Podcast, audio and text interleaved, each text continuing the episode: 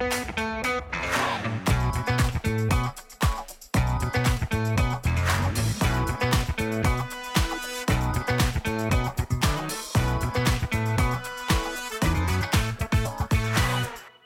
הבאים לפודקאסט Community Talks, דיבורי קהילה, הפודקאסט על אנשים וקהילה. בכל פרק נארח דמות מעוררת השראה שתספר לנו על עצמה, ולא פחות חשוב, על עולם הקהילה. אני ענווה רצון, עובדת סוציאלית קהילתית, מומחית בפיתוח קהילתי וארגוני בסביבה משתנה, ואיתי דניאל אופק, מנהל מיזם קהילות מקצועיות למדות של קרן רש"י במשרד הפנים. והיום אנחנו מארחים את יועד, שתגיד לנו את השם המשפחה שלך. ראונר. ראונר. נעים מאוד, ולפני שנתחיל, אז רק נספר לכם שאנחנו בטלגרם, בערוץ דיבורי קהילה, יש לנו קבוצת וואטסאפ שקטה, ערוץ וואטסאפ שקט, שבו עולים העדכונים של הפרקים. אתם מוזמנים לדרג אותנו בחמישה כוכבים אה, בספוטיפיי, וזהו. עכשיו דניאל, אתה מוזמן להציג את יועד. אני זכיתי להציג אותך יועד, אז יועד ראונר הוא פרטנר בחברת הולקרייסי 1, אמרתי את זה טוב? הולקרייסי 1. תגיד, תגיד. הולקרסי 1. הולקרסי 1, זה ממש נשמע הרבה יותר טוב שאתה אומר את זה. אה, היא בעצם חברה שמפתחת ומלמדת את שיטה לניהול לא היררכי בארגונים בעולם, כיום בשימוש בעשרות מדינות, ובערך באלף ארגונים שונים. וואו, מרשים, יועד. יועד הוא פריק של ניהול זמן, מעביר סדנאות בנושא, ובהירות, ואוהב לחשוב על עצמו שהוא טבח לא רע בכלל. או-הו, מעניין מאוד. אז uh, שלום יועד. שלום דניאל, שלום ענווה, תודה שאתם מארחים אותי. תודה שאתה כאן. ונתחיל בשאלה הראשונה, לשבור עלי קצת את הקרח, ותספר לנו משהו שאנשים לא יודעים עליך. מעבר לבישול, שזה נראה לי... מעבר לבישול, אה, אנשים לא יודעים עליי, אה, אני במקור מקיבוץ יקום, גרתי שם עד ישר אחרי הצבא, ואז עברתי לארצות הברית, גרתי שם 17 שנים באיזושהי קהילה רוחנית, וחזרתי לארץ בשש שנים האחרונות, גר ברחובות עם בת הזוג שלי ושני הילדים שלה, שלנו. זה הרבה דברים שלא יודעים עליך. כן, אני לא מפורסם, אז אני מניח שרוב הדברים לא יודעים עליי. זה נכון. אז הנה, טוב, אה, כבר, כבר טוב שבאת. תודה. אה, ובוא תספר לנו קצת אה, איך הגעת לעולם הקהילה, איך הגעת לעולם ההולוקרטיה. לעולם, לעבודה הנוכחית שלי, אני כרגע עובד ב, בארגון הולוקרסי 1 בחמש וחצי שנים האחרונות. הגעתי בצורה די מקרית, או לא די, מאוד מקרית. אה, למעשה, חזרתי לארץ לפני שש וחצי שנים כמעט, ובארצות הברית הייתה לי חנות ספרים, עוד משהו שלא ידעתם עליי, 15 שנה, ופשוט אה, באיזשהו שלב פגשתי ידידה שעבדה בארגון והציעה לי להצטרף, לא היה לי שום רקע ב... בעבודה של אה, ייעוץ ארגוני או של עבודה כזאת של איך ארגונים נראים. הצטרפתי ומאז עברו חמש וחצי שנים ולאט לאט ככה נכנסתי יותר ויותר לעומק. אז, אז רק נגיד שהכרנו אותך ביום עיון, אפשר לקרוא לזה? כנס, יום עיון? שנעשה באטריבונה, אה, על הולוקרטיה. אה, וככה זה קצת הרעיד את עולמנו, מה שנקרא, אה, הצורת חשיבה וכולי. יצא לנו כן קצת לשוחח בינינו לפני זה, לחפור בזה וכולי, אבל למאזיננו, שלא היו איתנו ולא חפרו איתנו, אז בוא תגדיר לנו ככה קצת מה זה. הולוקרטיה זה שיטה לניהול ארגונים בצורה לא היררכית. זאת אומרת, אנחנו כיום רגילים לאיזושהי אה, פירמידה אה, היררכית שככה ארגונים נראים, ובעצם הולוקרטיה באה להציע איזשהו אה, מודל שונה, מודל שונה של קבלת החלטות, מודל שונה של, של ביזור כוח בארגון, שהוא אכן לא היררכי, זאת אומרת, איך, איך בעצם נראה ארגון שעדיין יש לו את, ה, את הפונקציות של של אה, מנהלים, אבל לא מנהלים למעשה. אנחנו אה, כרגע הוא, כמו שאמרתי, הוא משתמשים בו בערך באלף ארגונים בעולם או משהו כזה, זה באמת חדש, הוא דורש לגמרי פרדיגמה די אה, חדשנית. אז כן, זה אז בכמה מילים כאילו, מה זה? זה ככה, שוב, אתה בטח uh, תעזור לי אחר כך, אבל אני קצת אעזור למאזינים. בסוף, כשאנחנו מסתכלים על מבנים, בטח מבנים ארגוניים, אה, בכנס הם נתנו דוגמה טובה שאתה הולך לפאורפוינט ואתה צריך לעשות מבנה ארגוני, זה תמיד ייתן לך את אותו מבנה, יש לך מנהל ומנהל ביניים ומנהל אה, זה, ואז עובדים, זאת אומרת, יש היררכיה מסוימת והרבה פעמים יש גם מבנים שהם אחרים, אבל הם באיזשהו מקום מתכתבים עם המבנה היררכי, גם נגיד מבנה מטרציוני, שזה יכול להיות לך מנהל, אה, מישהו שמנהל אותך, שהוא מנהל אותך ברמה, נקרא לזה תפעולית או ניהולית, ומישהו שמנהל אותך ברמה הדרכתית, ועדיין הוא מנהל אותך. ובעצם הולוקרטיה, אפרופו העולם החדש, אנחנו מדברים על זה לא מעט, כי הרבה פעמים המבנים האלה הם כבר לא רלוונטיים, בטח לאנשים מסוימים וגם היום לארגונים, הוא מאפשר בעצם דרך התנהלות בתוך ארגון, כמו שאמרת, בלי מנהלים ובלי אה, היררכיות, בלי עכשיו זה אה, מנהל את השני, אבל עדיין יש שם תהליכים של קבלת החלטות, תהליכים של עבודה משותפת, משימות וכדומה. אה, שבעצם העובדים אה, משרתים את הייעוד או את המטרה של החברה, ולאו דווקא את התפקיד. אז בוא תנסה שנייה להסביר את המשפט שאמרתי עכשיו. לכל ארגון בעצם יש איזשהו ייעוד, נכון? זאת אומרת, זה, זה בעצם חלק מההגדרה של, של ארגון, כשבהולוקרטיה בעצם אנחנו מחלקים את, ה, את הארגון לתפקידים ולמחויבויות שיש בתוך התפקיד, וגם בתוך תפקיד יש איזשהו אה, אה, ייעוד יותר, יותר, לא יודע, אפשר לקרוא לזה ייעוד יותר קטן, שמשרת את הייעוד היותר גדול של, ה, של הארגון. אז אה, כן, אז הפירוק הוא, הוא קצת שונה מאשר בפירוק אה, היררכי. איך אתה מפרק בעצם את התפקיד, איך אתה מבין מה הייעודים הקטנים והתפקידונים, איך בעצם אתה, הרי בעצם מה שאתה אומר זה שכולנו הופכים להיות self uh, management, נכון? נכון. כאילו, בארגון הולקרטי לצורך העניין אין מנכ"ל באמת, אין דרג ניהולי, אלא אם כן אני לוקחת אחריות על ההחלטות או על האחריות או על הסמכות. אז בוא תסביר לנו קצת על התהליך הזה, איך אתה מפרק את זה, אה, איך בעצם נבנים התפקידים, איך mm-hmm. נבנים, אה, הראית לנו את זה ממש בצורת מעגלים, אבל איך הדבר הזה נבנה. איזה תהליך אתה עושה כשאתה נכנס לארגון שאומר, אני רוצה להפוך להיות ארגון הולוקרטי. בארגון הולוקרטי בעצם אנחנו מסתכלים על, אה, על ארגון בתור משהו חי ונושם. זאת אומרת, איך שארגון נראה, הוא, הוא אה, איזושהי מפה מסוימת של, של אה, הרגע הנוכחי בפונקציות ובתפקידים שקורים בארגון. אז, אה, אז כשאנחנו מסתכלים על מי יוצר את התפקידים, זה בעצם המציאות יוצרת את התפקידים. זאת אומרת, כל אחד שמרגיש איזשהו מתח בארגון, איזושהי תחושה שפוטנציאל מסוים שיכול להיות אחרת, יכול לייצר, להציע תפקיד מסוים, ליצור לו איזשהו מחויבויות, ליצור לו איזשהו ייעוד מסוים, ותח, ואחר כך כאילו גם לאייש אותו בעצמו, או להציע אנשים אחרים שיאיישו את, ה, את התפקיד. אז בעצם הדרך שהארגון נבנה היא דרך אורגנית בהתאם למה שכאילו קורה במציאות בפועל בשטח. זה מאפשר בעצם לארגון להיות הרבה יותר דינמי ואג'ילי, ופחות אה, אה, מקובע שזה אחד החסרונות של, של אה, ארגון היררכי בעצם. ואנחנו מסתכלים על זה בתור, אין, בגלל שהיום העולם הוא יותר ויותר מורכב, אז uh, יש איזשהו צורך שכרגע נענה פחות לצורך העניין ב, בארגונים היררכיים. אז בוא, ת, כ- כיועץ, נניח אתה נכנס לארגון, מה הדבר הראשון שאתה מבקש מחברי הארגון לעשות כדי להבין איך לייצר את האג'יליות הזאת? Mm-hmm. אז קודם כל חשוב לי לציין שאני כרגע לא עובד עם ארגונים, אישית. אמ, אז אמ, זה לא מה שאני אישית עושה, זאת אומרת, זה מה שאנחנו כחברה עושים.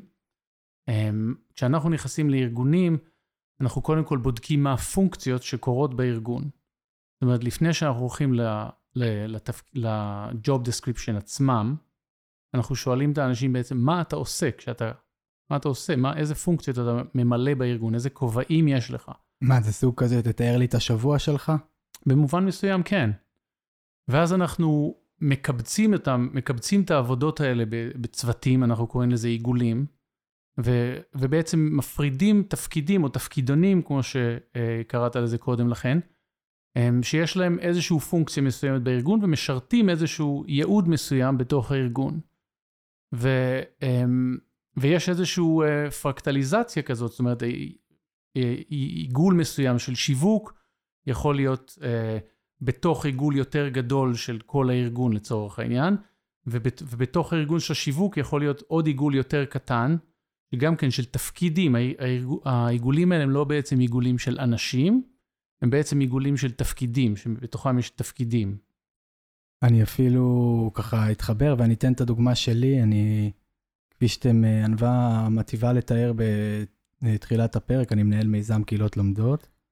זה מיזם שיושב בתוך ארגון, אוקיי, קרן רש"י זה ארגון, בסוף לא משנה מה, זה ארגון היררכי עם מנהלים ותת מנהלים וכדומה. ואני כמיזם, בעצם uh, התפיסה שלי, תפיסה קהילתית. מאחר ואני יוצר קהילות, אני אומר, חייב להיות walk the talk, ובעצם לייצר גם בתוך הצוות שלך, בתוך העשייה שלך קהילתיות, ובעצם זה... שר לשדמי קורא לזה קהילתיות כשיטה, אתה יוצר בעצם תפיסה קהילתית גם בתוך הצוות שלך, ועבודה שהיא יותר קהילתית, ובעצם קצת מהדברים שאתה מתאר. וגם רשתית בעצם, כן, כי, כן. כי אם אנחנו רגילים לעבוד בתוך מחלקות והגדרות תפקיד ומבנה מאוד היררכי, פתאום אני יכולה אה, לעשות גם וגם וגם וגם, ולשבת אה, בעשרה צוותים. לא, באתי בדיוק לתאר את זה, אפרופו קצת אה, אה, להביא את התמונת מצב, שבעצם, אה, כשהסתכלתי על הצוות שלי, בסוף הצוות שלי מחולק לתפקידים. יש רכזת הפקה ותפעול, יש רכזת, אה, זאת אומרת, מובילת למידה וידע, מוביל קהילה, אה, יש תפקידים, אבל בפועל כשהתחלנו לעבוד, בטח כשאתה עובד על מיזם שהוא חדש, אתה מבין שהעבודה היא לא מחולקת ככה. זאת אומרת, בפועל, ביום-יום שלך, שתעבוד על מפגש קהילה, כל אחד יביא ויעשה משהו, וזה לא, זאת אומרת, ההפרדות האלה, שאולי פעם היו אפשריות בעולם של, יש לך שתי כדורי גלידה, אז זה היה אחד שהוא לא, לא, לא אומר, אה, סבבה, אני אעשה את זה, ואני אוכל את השוקולד ואני אוכל את הוונילה, היום שיש לך כל כך הרבה דברים וכל כך הרבה מורכבויות, בעצם מאוד מאוד קשה להתנהל כמו פעם, וזה בעיקר יוצר הרבה מאוד חיכוכים והרבה מאוד מתח, כי זה יגיד, זה לא עושה את התפקיד שלו, וזה לא עושה את התפקיד שלו, וזה לקח לי את מה שאני אמור לעשות, ו- וכדומה, ואצלנו אנחנו מרגישים על זה, מרגישים את זה מאוד, גם הצוות שלי, אנחנו מדברים על זה הרבה, ואפרופו אחת הסיבות שבאתי להכשרה, זה קצת כדי להשאיר את העולם, הידע שלי בהקשר הזה, ולהבין גם איך אני יכול, אבל בעצם, אה, אה, מה שהולוקרטיה באה ואומרת, היא אומרת, אנחנו לא מסתכלים על התפקיד עכשיו, אלא על מה כל אחד עושה, לוקחים את הרכזת הפקה ותפעול, נגיד, שאני באתי וממש עשיתי את זה בפועל, פורט את זה לכל המשימות, ליום-יום שלו, ואז אומר, אוקיי, לא כל דבר היא עושה פה, יש פה עוד אנשים, ואז מסתכלים על זה בעצם במעגלים, ובונים את זה כמו שאמרת שבונים את זה, ואז... אה, כל, כולם יכולים להיכנס למעגל.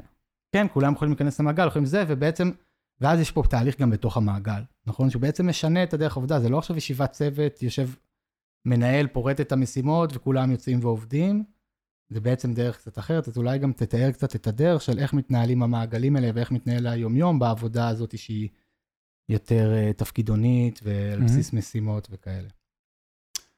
אז אכן, אכן, כמו שאמרת, זה בעצם, השלב הראשון הוא איזושהי יצירת בהירות מסוימת. אני אחראי על זה, אני אחראי על זה, זאת אומרת, ויוצרים איזושהי מפת תפקידים של כל אחד, והיא uh, כולל הדברים שאולי בעבר היו משתמעים, וכרגע אנחנו בעצם יוצרים איזשהו משהו יותר מפורשים של מה, הם, אה, מה בעצם קורה בפועל. זאת אומרת, אם אני, יש לי תפקיד שהוא um, לעזור לאנשים חדשים שמגיעים, גם אם זה לא כתוב ב job description שלי, זה עדיין משהו שנעשה בפועל, ולכן יש uh, משמעות לשים את זה ב, ב, בתוך, ה, בתוך מפת התפקידים שלי. ואז בעצם מתחילים לעבוד, זאת אומרת, כל אחד מתחיל לעבוד עם העבודה שלו. ההסתכלות אה, בהולוקרטיה, בגלל שזה ניהול עצמי, היא הסתכלות קצת שונה. זאת אומרת, אין מנהלים, ולכן פרוטוקול מסוים של חוקים מחליף, מחליף ניהול. ואחד מחוקי הזהב אצלנו, זה שבעצם מותר לך לעשות כל דבר שלא כתוב שאסור לך לעשות. ולכן אתה מתחיל לעבוד. עכשיו, כשאני מתחיל לרוץ, ואתה מתחיל לרוץ, ואת מתחילה לרוץ על העבודה שלנו, בהתאם להבנה שלנו, לאינטרפרטציה שלנו של של איך אני רוצה לשווק את הארגון שלי, או איך אני רוצה למכור בארגון שלי, או איך אני רוצה אה, לעבוד בלוגיסטיקה בארגון, אנחנו בעצם יוצרים מתחים, זאת אומרת, אנחנו יוצרים מתחים בין, בין, בין תפקידים שונים. ובתוך הולוקרטיה יש דרכים שונות בעצם לתעל ולאבד את המתחים האלה. זה יכול להיות מתחים שהם יותר טקטיים, שהם יותר בתוך הארגון, עבודה בתוך הארגון. אני יכול לצפות ממך משהו, אתה יכול לצפות ממני משהו, אמ, וכן הלאה. אני רוצה לבקש ממך פרויקט, את רוצה לבקש ממני משימה, או לבקש ממני מידע. וזה יכול להיות אה, מתחים שהם יותר על, על איך הארגון נראה. וזה חזרה למה ששאלת, כאילו, איך, אה, או שסליחה, את שאלת של איך, איך מתחים, איך אה, תפקידים נוצרים. זאת אומרת, אנחנו בעצם, יש פגישה טקטית, שוב, שהיא יותר אופרטיבית, ויש פגישות שהן, פגישות, מה שאנחנו קוראים פגישות משילות, שבהן אנחנו עובדים על איך הארגון נראה, והאם צריך, האם הארגון צריך לעשות אדפטציה בעצם באיך הוא נראה. זאת אומרת, יש איזשהו um, overview שאנחנו עוצרים שנייה ואומרים, האם הארגון נראה כמו שהוא צריך לראות, או שצריך לעשות איזשהו שינוי, להבהיר מי אחראי על דברים מסוימים, לשנות תפקידים ו- וכן הלאה. אז uh, אני רק אגיד שדבר ראשון זה מייצר שקיפות, כי הרבה פעמים מנהל מרגיש שאתה לא עושה כלום, אבל בעצם אתה עושה הרבה דברים שהם לא הגדרת התפקיד. ואז בעצם הוא יכול לראות, את, או היא יכולה לראות את כל הדברים שבעצם עושים הלכה למעשה.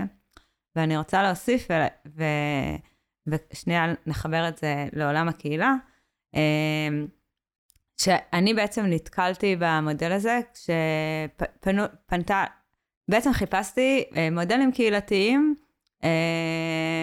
כמו מבנה ארגוני, כאילו מבנה קהילתי, ואין כאלה. כלומר, המודלים היחידים שמצאתי זה מודלים שכולנו מכירים, שזה ועד, מנהל או מנהל קהילה, אה, כמו שיש הרבה פעמים בקיבוצים, ואז ועדת תרבות, ועדת אה, רפת, לא יודעת, סתם אני מציעה, אה, כל מיני ועדות כאלה שכל אחד מתפעל משהו אחר. אולי קיבוץ של פעם, היום קיבוץ זה המבנה הכי היררכי והכי מסובך שתראי בחיים שלך. לא, לא, לא, לגמרי, אבל זה עדיין היררכי, כי יש לך את הוועד או את המנהל הקהילה, ואז ועדות, זאת הכוונה. סתם המצאתי אה, כאילו רפת, בסדר, גם זה לא רלוונטי, כי הפריטו לך את הרפת.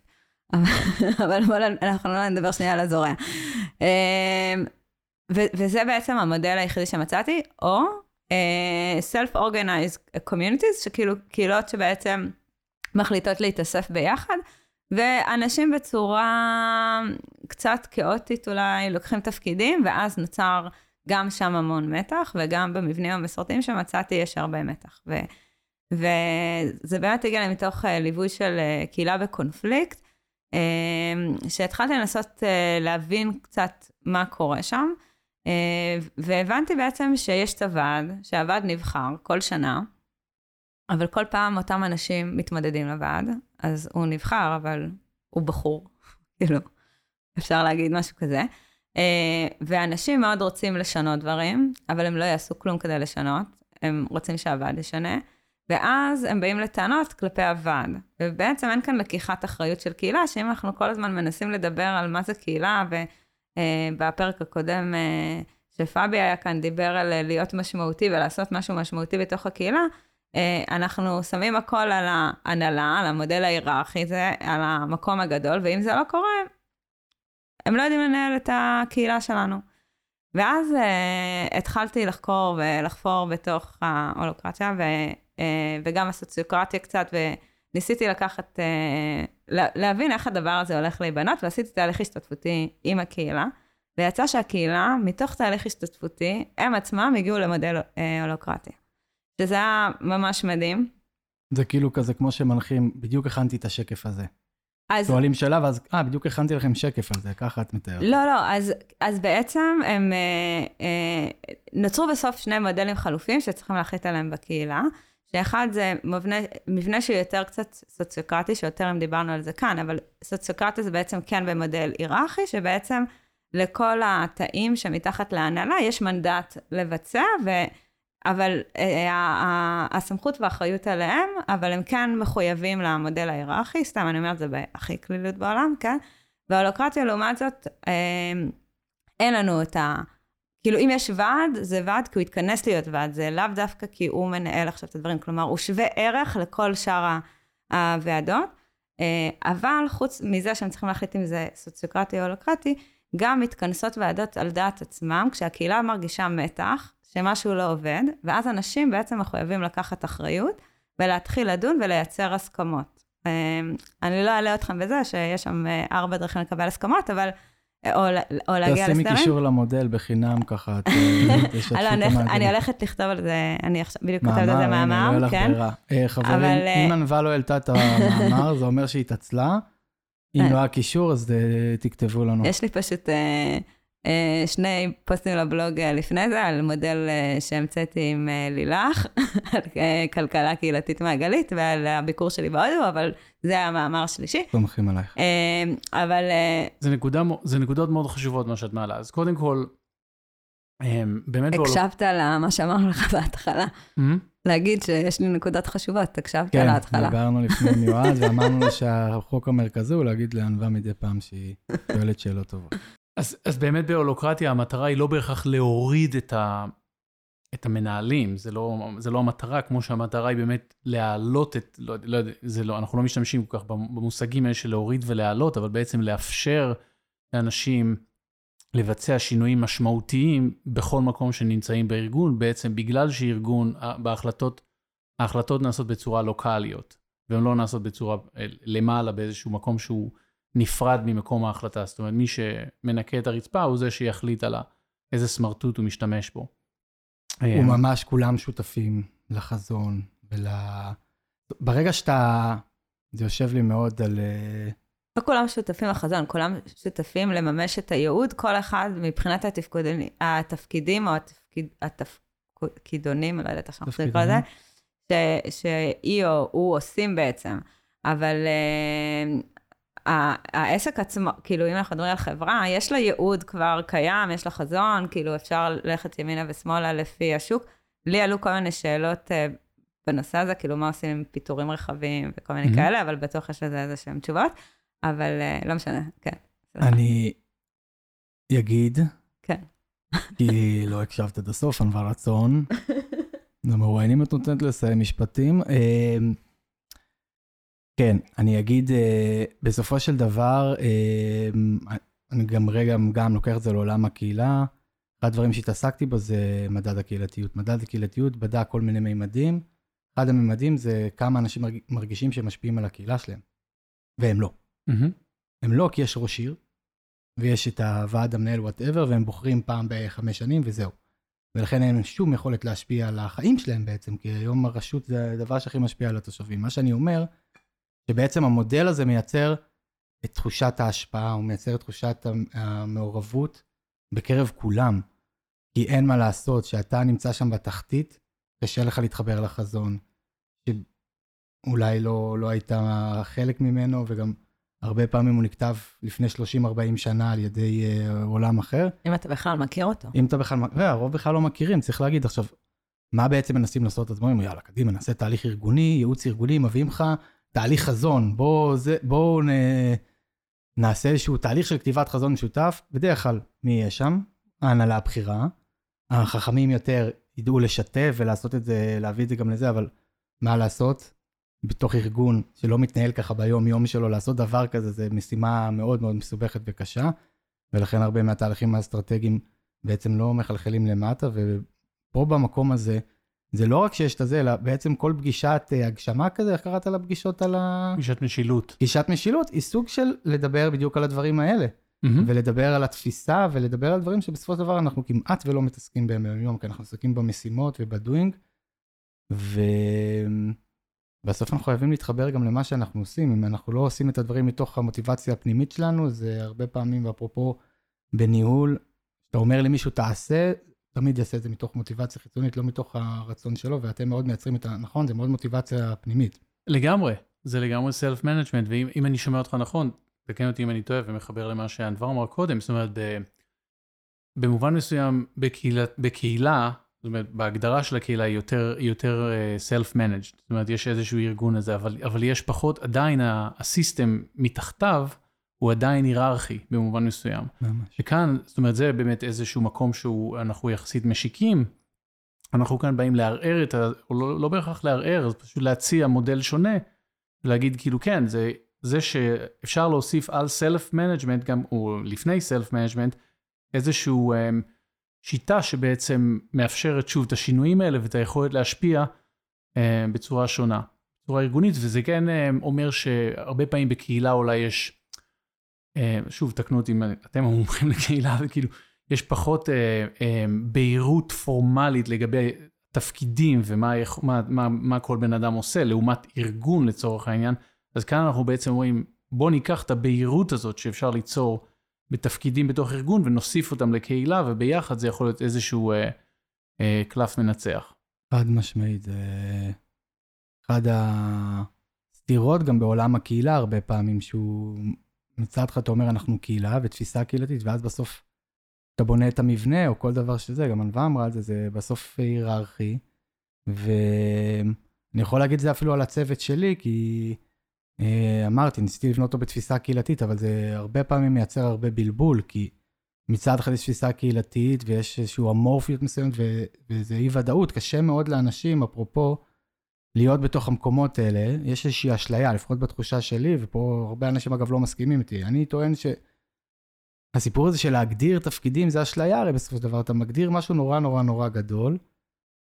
אה, זה לא באמת נכנס לפרטי פרטים, ובסופו של דבר אנשים, אה, בעיניי זה, זה, זה לא פשוט להתנהל בעולם כזה, זאת אומרת, זה כאילו אנשים רוצים את הוודאות, ואז הרבה פעמים הם לא מקבלים אותו, וזה יוצר אצלם תסכול מהמקום הזה. אז התחלת עם זה את הפרק, את הנושא של המתח בין עולם חדש וישן, שזה בעצם לשנות תפיסה מזה שיש מנכ"ל הגדרת תפקיד, אני גם מחפש תפקיד, או מחפשת תפקיד כמנכ"לית, סמנכ"לית כספים, כאילו מה, לא לזה אני נכנסת לעשות, כאילו אני יודעת, נורא ברור. אז זה מתח אחד. והמתח השני, שהוא אולי אפילו רגשי קצת, זה נושא של אגו, ואיך בעצם מפרקים את האגו, גם על התפקיד, אבל גם על להיות בכיר ולהתקדם, ו- ולאן אני יכול להגיע בארגון. אבל מצד שני, אם מישהו מסתכל על זה רחב יותר, וגם אה, מדברים על זה היום, ש, שזה קצת ה, אה, העולם החדש בעבודה של הכישורים. כלומר, להסתכל כן. מה, מה המיומנויות והכישורים שלי שאני יכול לבצע, והגדילה שלי היא רוחבית, היא לא אה, אנכית, אז כאילו, זה, זה איזשהו, נהיה זקנה, דיסקט. שצריך להחלים בראש. הולוקרטיה בהחלט מציבה אותך מול מראה מסוימת עם האגו שלך, וזה גם כן חלק מהותי מאוד, זאת אומרת, זה שינוי תודעתי, אז ההסתכלות היא באמת על אנשים וארגונים ש... שבדרך כלל הם, זה תהליכים ארוכי טווח, גם ברמה האישית, זאת אומרת, אני יכול להעיד עליי, זאת אומרת, התהליכים שאני עברתי עם עצמי בשנים האחרונות, האחריות שאני צריך לקחת אה, עם עצמי, החוסר קורבנות, אני לא, אין לי את מי להאשים. היי, אין מנהל, כאילו, מי אני אבוא ואגיד, היי, אה, זה כאילו, אין, אה, אה, אין יכולת להיות אה, אה, ראש קטן. אז, אה, אז זה כן, זה תהליכים ש, שגם בתור ארגון, אה, זה תהליכים תודעתיים ארוכי טווח. אה, שהם הרבה יותר קשים לאנשים. שמה? הם הרבה יותר קשים. Mm-hmm. הרבה יותר זה להגיד, אוקיי, אז אני אעשה את העבודה הזאת, או אני אעשה פה, וכאילו, נגיע הביתה והכל יהיה בסדר, ננשום כאילו, ופה זה כאילו, אתה יודע, אתה מכניס לתוך עולם העבודה שינויים טרנספורמטיביים ותודעה ומונחים ש... משמעות. משמעות, ייעוד. מלא, ייעוד. זאת אומרת, גם לרוב האנשים שבח... ב... שעובדים בארגונים הולוקרטיים, הם... יש איזושהי הלימה בין הייעוד שלהם האישי, או איזשהו, לבין הייעוד הארגוני. זאת אומרת, אני כבר לא בהכרח עובד בכל עבודה רק בגלל שהיא בהכרח נותנת לי יותר כסף או פחות כסף, או תנאים אי או אחרים, אלא גם איזושהי תחושת שליחות. זה מאוד מתחבר לדור ה-Y, זה אני עדיין לא יודע, אני לא מכיר אותה מספיק, אבל דור ה-Y מחפש משמעות בסוף בעבודה שלו. ואני חושבת שזה... זה ההתפטרות העבודה הגדולה. שזה גם מתחבר לקהילה במובן שהיום המון מהקהילות, ואנחנו מדברים על זה הרבה על הטרנספורמציה של קהילות, אה, הם כבר יש להם אה, שני רבדים, כאילו, גם קהילה, זאת המטרה שלה, אבל יש לה גם איזשהו ייעוד, אה, אם זו קהילה מקצועית לומדת, או לא יודעת, תן לי עוד שמות של קהילות. קהילת משימה, או קהילת פנאי, אז זה קהילות שעובדות בעצם... קהילה דיגיטלית. כן, עובדות על שני צירים, ובתוך השני צירים האלה צריך לעבוד. זה, זה, זה כן. כאילו, כן נכנס סיסטם בסוף. אפרופו קהילות משמעות שיש היום, לא סתם מדגישים את המקום הזה של דגש על משמעות, כי הרבה פעמים אתה יכול להיות בתוך קהילה ולא להיות משמעותי.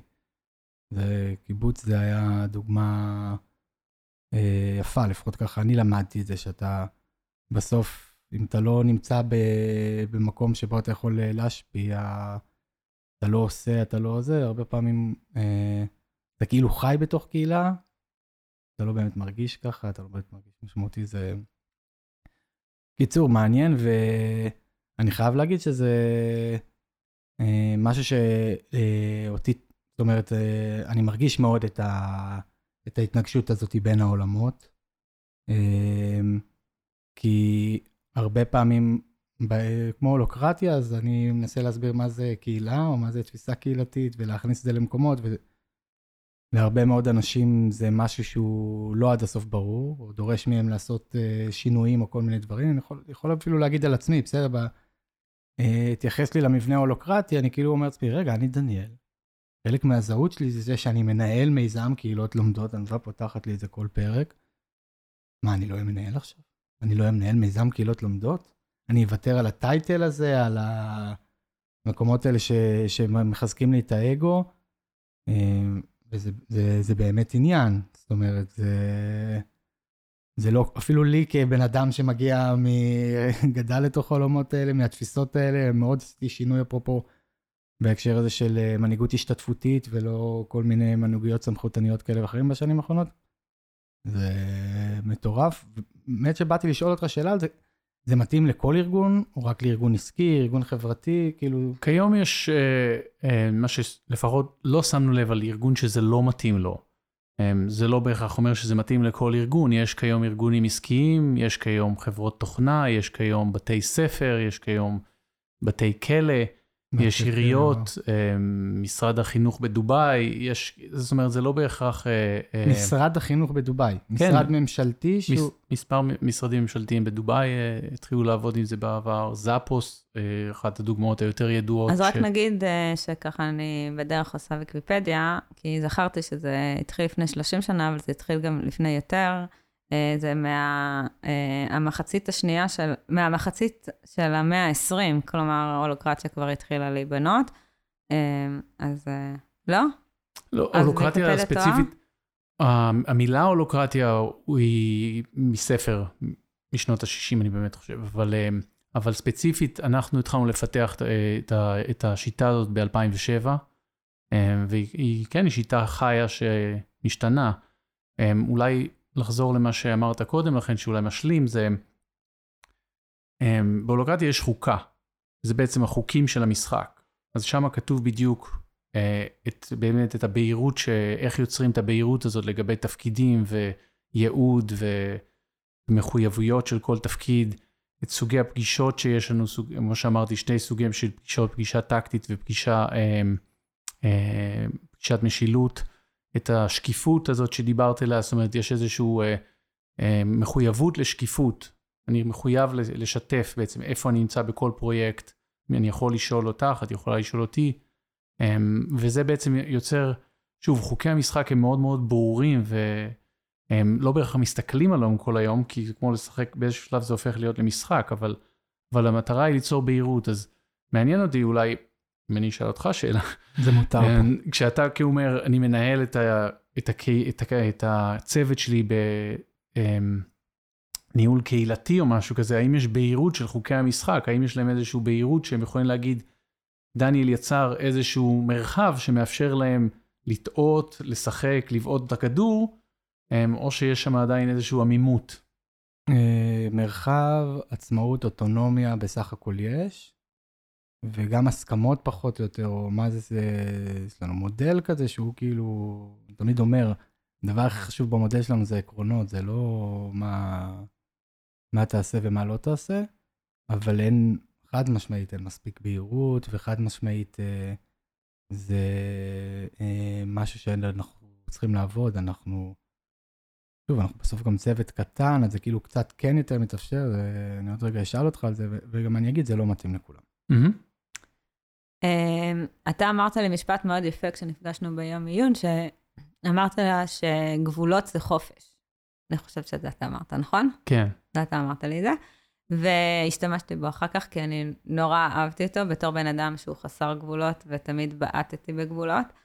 אמ, והיום ככה יצא לי לערער אה, עוד יותר במשפט הזה, באיזושהי סדנה שעברתי, וממש ראיתי איך גבולות בעצם גם יכולות לאפשר אה, צמיחה וגדילה, אמ, כי הן מחזיקות אותך בעצם. ואז בעצם הבהירות הזאת שאתה מדבר עליה, היא, היא, היא מחזיקה והיא מייצרת איזשהו, איזושהי תנועה שיכולה לקרות בתוך ספינה, שאתה יודע שהיא יציבה. לגמרי. לגמרי, כן, אני מאוד מתחבר לאיך ש...